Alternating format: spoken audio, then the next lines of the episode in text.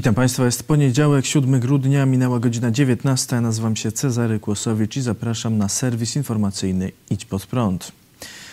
Prymas interweniuje w sprawie ryzyka. Prymas Polski Wojciech Polak chce interwencji prowincjała zakonu redemptorystów w sprawie wypowiedzi księdza Tadeusza Rydzyka o aferach pedofilskich w kościele.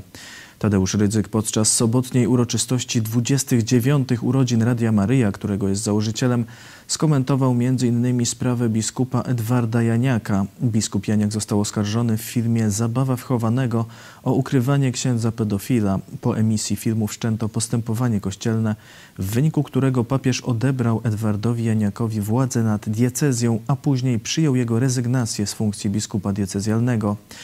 Tadeusz Rydzyk wspominając całą sprawę stwierdził Dostałem też wiadomość dzisiaj w czasie mszy świętej od księdza biskupa Edwarda Janiaka.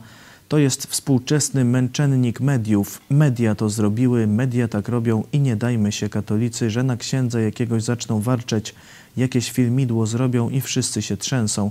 Zwróćmy uwagę na to, co mówią i nie dajmy się. Nie dajmy się i w kościele nie dajmy się. To, że ksiądz zgrzeszył, no zgrzeszył, a kto nie ma pokus, niech się pokaże. Jedna jest tylko Maryja. Ksiądz Tadeusz poszedł w zaparte i nie uznaje w ogóle faktów. I próbuje te fakty tłumaczyć na wspak, czyli nazwanie zbrodniarzy. I to takich, których wykorzystywali niewinność i poświęcenie Bogu malutkich dzieci. On nazywa męczennikami. To jest jego upadek moralno-duchowy, już nie ma, już nie ma dalej. Zobaczcie, jak on tych ludzi kłamie. Po pierwsze, mówi, że ksiądz może grzeszyć. I co z tego? Ksiądz zgrzeszył i co z tego? No zgrzeszył, mówi. Zmarnował komuś życie. Nadużył zaufania rodziców i tego dziecka. Zbluźnił przeciwko Bogu. Ale kto nie ma pokus? Ale kto nie ma pokus? To jest, to jest odpowiedź przywódcy duchowego Polaków z tego rdzenia katolicko-narodowego. To jest jego odpowiedź. Nie ruszmy księdza, bo to ksiądz, no zgrzeszył. Ksiądz dr Piotr Studnicki, kierownik biura delegata Konferencji Episkopatu Polski do spraw ochrony dzieci i młodzieży, przekazał, iż prymas Polski domaga się reakcji prowincjała redemptorystów. Jak czytamy w komunikacie, o zdecydowaną reakcję prowincjała redemptorystów Janusza Soka na słowa Tadeusza Rydzyka poprosił dziś arcybiskup Wojciech Polak, delegat Konferencji Episkopatu Polski do spraw ochrony dzieci i młodzieży. Podczas obchodów 29. rocznicy powstania Radia Maryja 5 grudnia z ust założyciela i dyrektora Radia Maryja oraz telewizji Trwam padły słowa bagatelizujące przestępstwa i grzechy wykorzystania seksualnego i podważające decyzje kompetentnych władz Kościoła w stosunku do biskupa Edwarda Janiaka. Delegat Konferencji Episkopatu Polski zwrócił się do przełożonego Tadeusza Rydzyka z prośbą o interwencję. Wyraził nadzieję, że na antenie Radia Maryja i innych związanych z nim mediów cierpienie osób, które zostały wykorzystane seksualnie nie będzie lekceważone, a stanowisko Ojca Świętego i Episkopatu Polski w sprawie ochrony dzieci i młodzieży będzie rzetelnie relacjonowane. Prowincjał Redemptorystów już zapowiedział, że porozmawia z księdzem Ryzykiem. Wiem, że sprawa jest pilna, ale podejmujemy ją, nie zostawiamy jej, będę z nim rozmawiał, powiedział ksiądz Janusz Sok Katolickiej Agencji Informacyjnej. Wcześniej prowincja warszawska redemptorystów stwierdziła w specjalnym oświadczeniu, że wypowiedź Tadeusza Rydzyka była komentarzem do obecnej sytuacji medialnej. Ojciec dyrektor nie komentował decyzji Kościoła dotyczącej księdza biskupa Janiaka.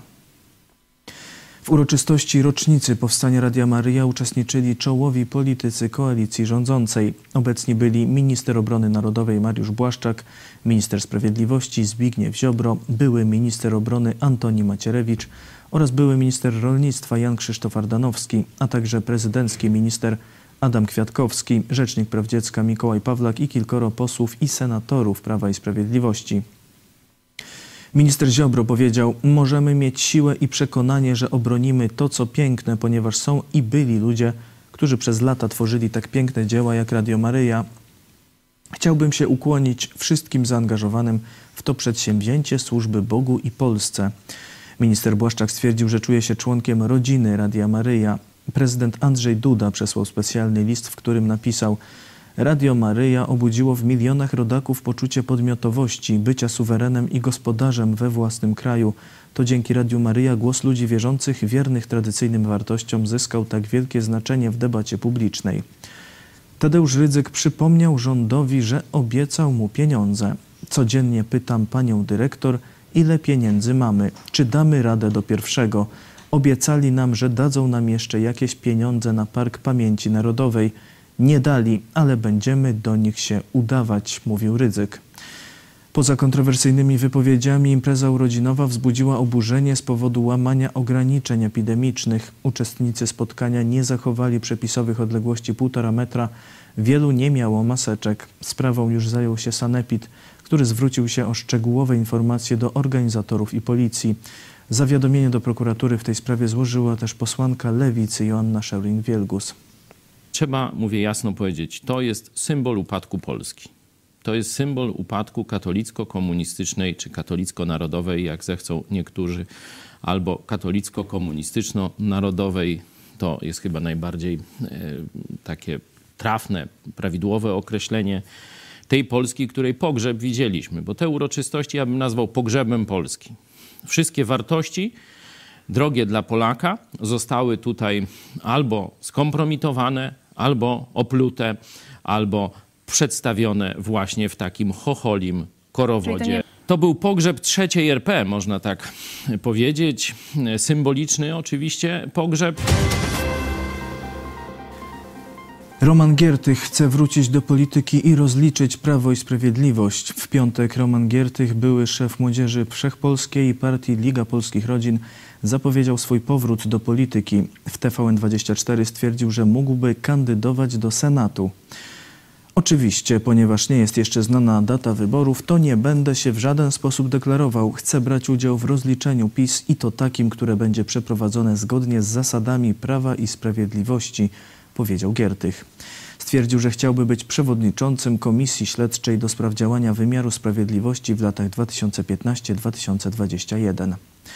W sobotę Giertych przedstawił na swoim profilu facebookowym listę 10 spraw, którymi powinna zająć się taka komisja. Są to sprawa zamachu na Trybunał Konstytucyjny, sprawa nielegalnego powoływania sędziów i izb w Sądzie Najwyższym, nielegalne powołanie KRS, kradzieże przywłaszczenia, korupcja i nepotyzm, ukrywanie przestępczości związanej z PiS, prześladowania przeciwników politycznych i demonstrantów, zbrodnicze zaniechania przygotowania kraju na epidemię, nielegalne naciski na sędziów i prokuratorów, nielegalne wykorzystywanie służb specjalnych do celów politycznych oraz zamiana mediów publicznych w media partyjne. Czy rozliczenie rządów PiS jest realne? Pastor Paweł Chojecki mecenas Giertych, myślę, że ma bardzo osobisty motyw, żeby... Czyli przeszedł do ataku, można powiedzieć. Teraz przeszedł do zapowiedzi ataku, bo to jeszcze, jeszcze do ataku daleko. Ale tu są bardzo, bardzo ciekawa zmiana w polityce okrągło-stołowej, bo istotą polityki okrągłego stołu było wy nie ruszacie naszych, my nie ruszamy waszych. Wydaje mi się, że on jest szczery w chęci zemsty. W tym upatruję, że tak powiem, pewien jaśniejszy punkt złamania tego porządku my nie ruszamy waszych, y, y, wy nie ruszacie naszych, czyli po oddaniu władzy nie ma żadnego rozliczenia. Myślę, że to nie jest cecha teraz już tylko Romana Giertycha, bo tu wszyscy z tego obozu, można powiedzieć, niepisowskiego już widzą, do czego państwo PiSu może doprowadzić. I myślę, że w całym tym obozie antypisowskim jest już takie postanowienie, że kiedy uda im się jakoś, nie wiadomo, ale kiedy uda im się odwojować e, mm, wpływ na trzecią RP, czyli odsunąć PiS od władzy, no to trzeba będzie rozliczyć PiS w sposób definitywny, tak żeby już nigdy do władzy nie doszedł. Dlatego myślę, Ziobro, spółka, Kaczyński i tak dalej są tacy nerwowi w swoich działaniach obecnie. Już ponad 20 tysięcy osób zmarło z powodu COVID-19 w Polsce. Resort Zdrowia podał dzisiaj informację o 92 zgonach z powodu chińskiego koronawirusa w ciągu ostatniej doby.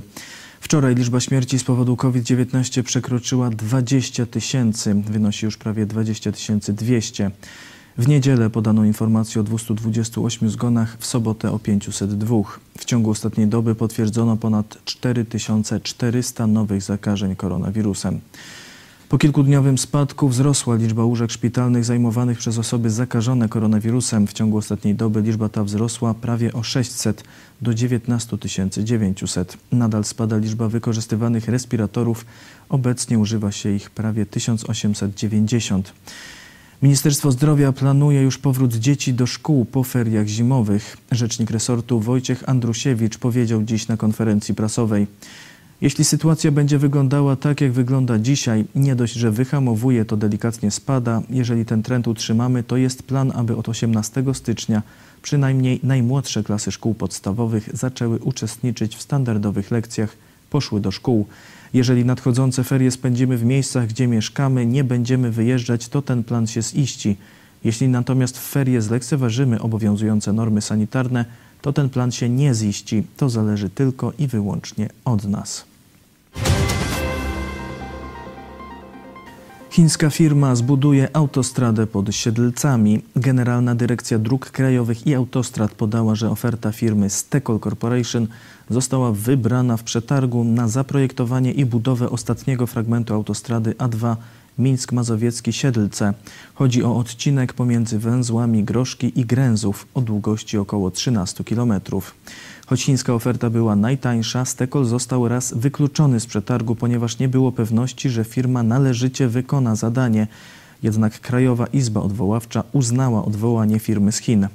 Fragment A2 to nie jedyna inwestycja drogowa realizowana przez Chińczyków w Polsce. W sierpniu zeszłego roku Stekol Corporation podpisała kontrakt na budowę fragmentu obwodnicy Łodzi.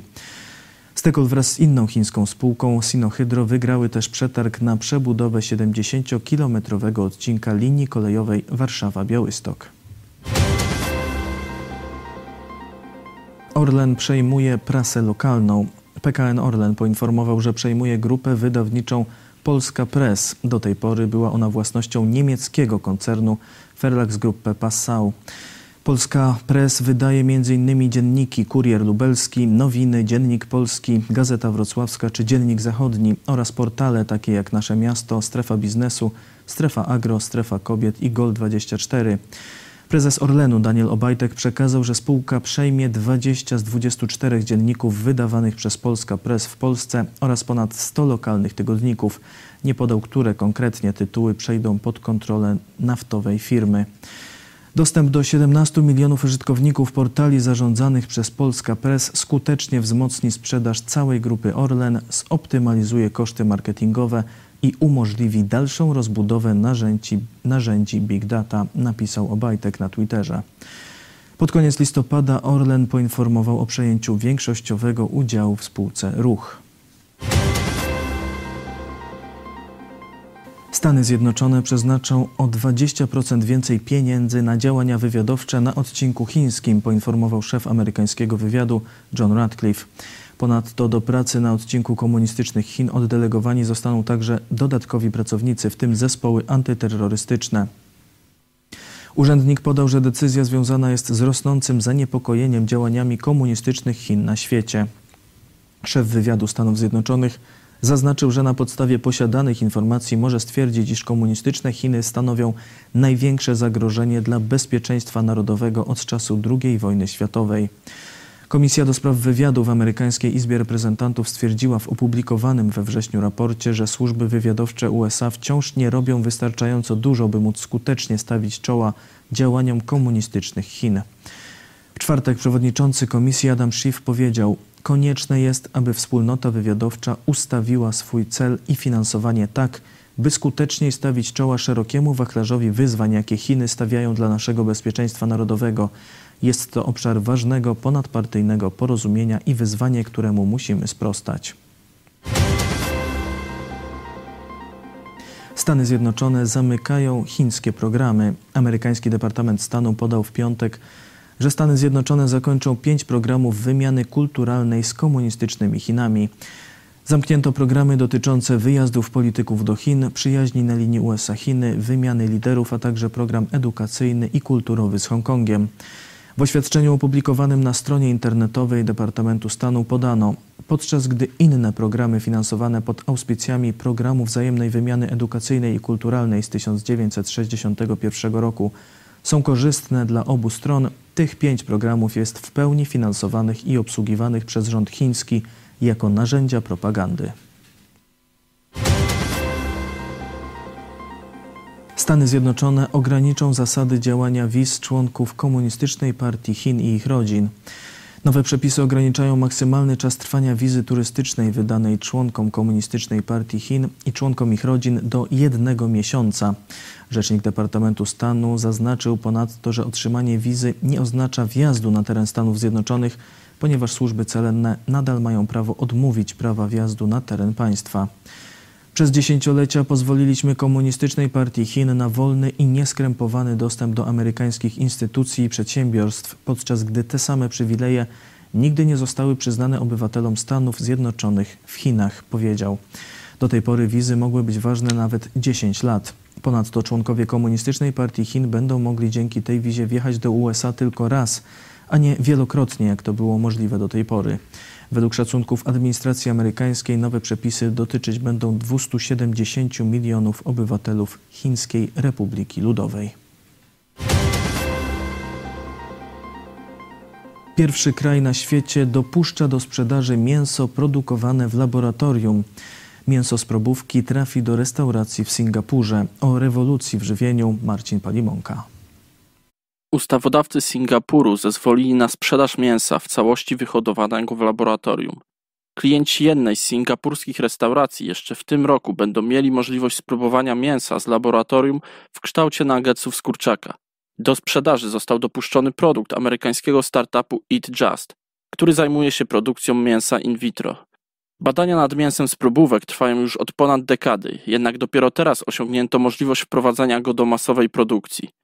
Zwiększenie skali ma obniżyć koszty, czyniąc taką produkcję opłacalną.